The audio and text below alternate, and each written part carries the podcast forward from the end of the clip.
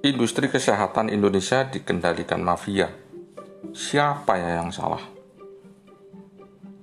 Ketika Indonesia terserang oleh wabah corona, akhirnya pemerintah tersadar bahwa ada masalah besar di industri kesehatan dalam negeri.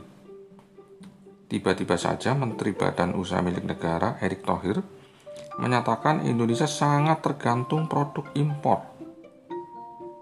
Katanya alat kesehatan mesti diimpor, bahan baku mesti diimpor, kata Erik melalui live streaming di akun Instagram Kak, Kamis 16 April 2020.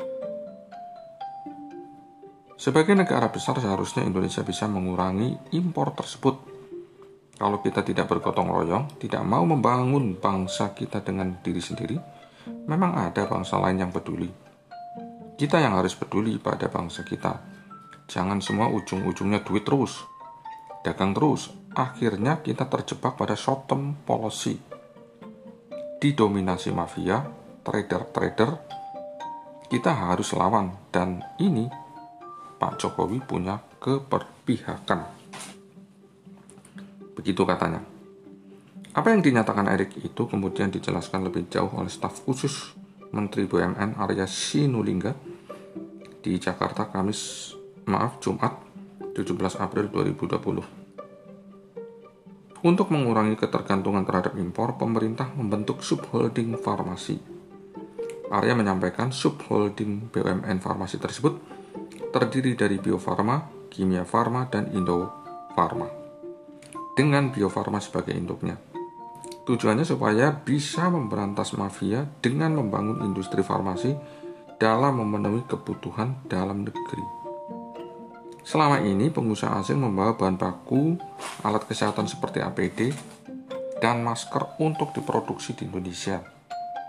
Setelah selesai, produk itu diambil lagi oleh pengusaha yang ada di luar negeri tersebut.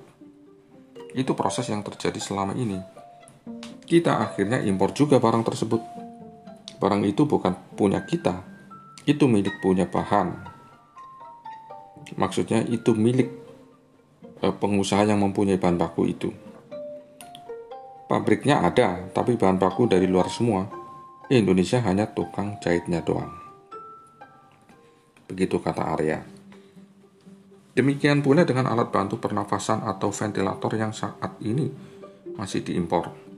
Erik pernah mengumpulkan beberapa perusahaan industri otomotif dan lead bank untuk membuat ventilator Ternyata dalam tempo sebulan, teman-teman perguruan tinggi bisa membuat ventilator. Walaupun ventilatornya bukan untuk pasien yang masuk ICU. Tetapi dari Litbang mampu buat ventilator untuk pasien di ICU. Kemudian Erik menugaskan PT Land Industri, PT Pindad, dan PT Dirgantara Indonesia untuk memproduksi ventilator. Mudah-mudahan Nanti kalau lulus uji klinik maka ventilator ini sudah bisa dipakai dan diproduksi oleh BUMN. Nah, kisah tentang APD ini ada cerita unik. Masih segar dalam ingatan kita pada Maret lalu, ada kiriman bantuan 10.000 alat pelindung diri APD dari Cina yang tiba di Jawa Tengah. Apa yang terjadi? Ternyata APD itu buatan Indonesia tetapi dikemas di Cina dan dijual lagi ke Indonesia. Kenyataannya ekspor APD memang cukup besar dari Indonesia. Berdasarkan data BPS, ekspor masker Indonesia ke Cina mencapai 826,14 ribu dolar Amerika pada Januari dan meningkat pesat menjadi 25,60 juta dolar pada Februari 20. Itu contohnya saja.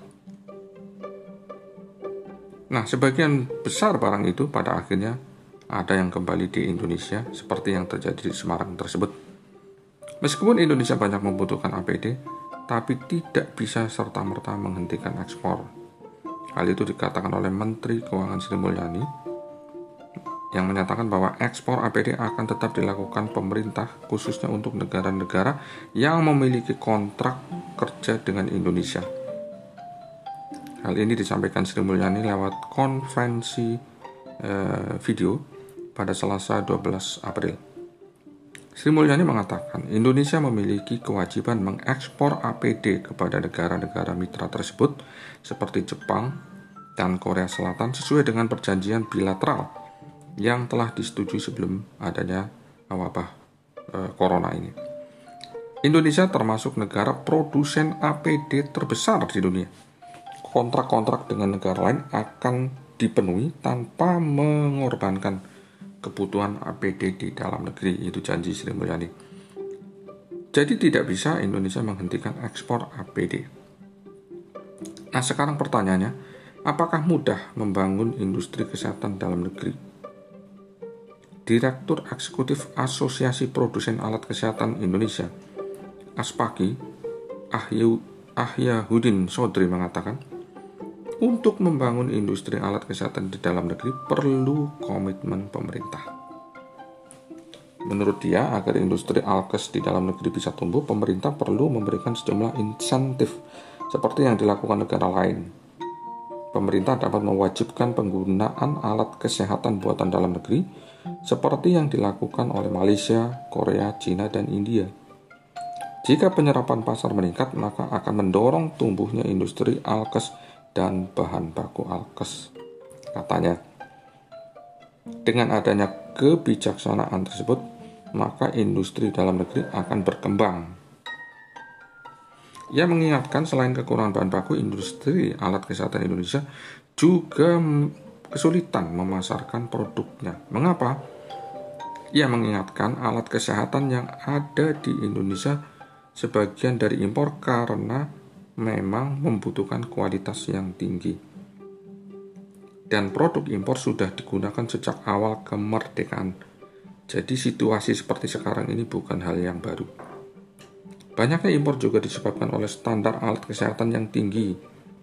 Seperti diketahui, seperti diketahui, produk Alkes memiliki standar yang tinggi dan bukan produk yang bisa dibuat secara massal. Sehingga untuk beberapa jenis alkes belum bisa dibuat di dalam negeri. Jadi memang tidak gampang membuat alat kesehatan yang memenuhi syarat ekspor.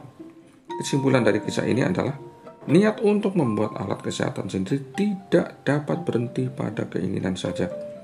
Tapi pemerintah harus berkomitmen membantu industri dan membentuk suatu sistem lingkungan persaingan yang sehat Apalagi kalau memang benar ada mafia, itu pasti lawan yang berat.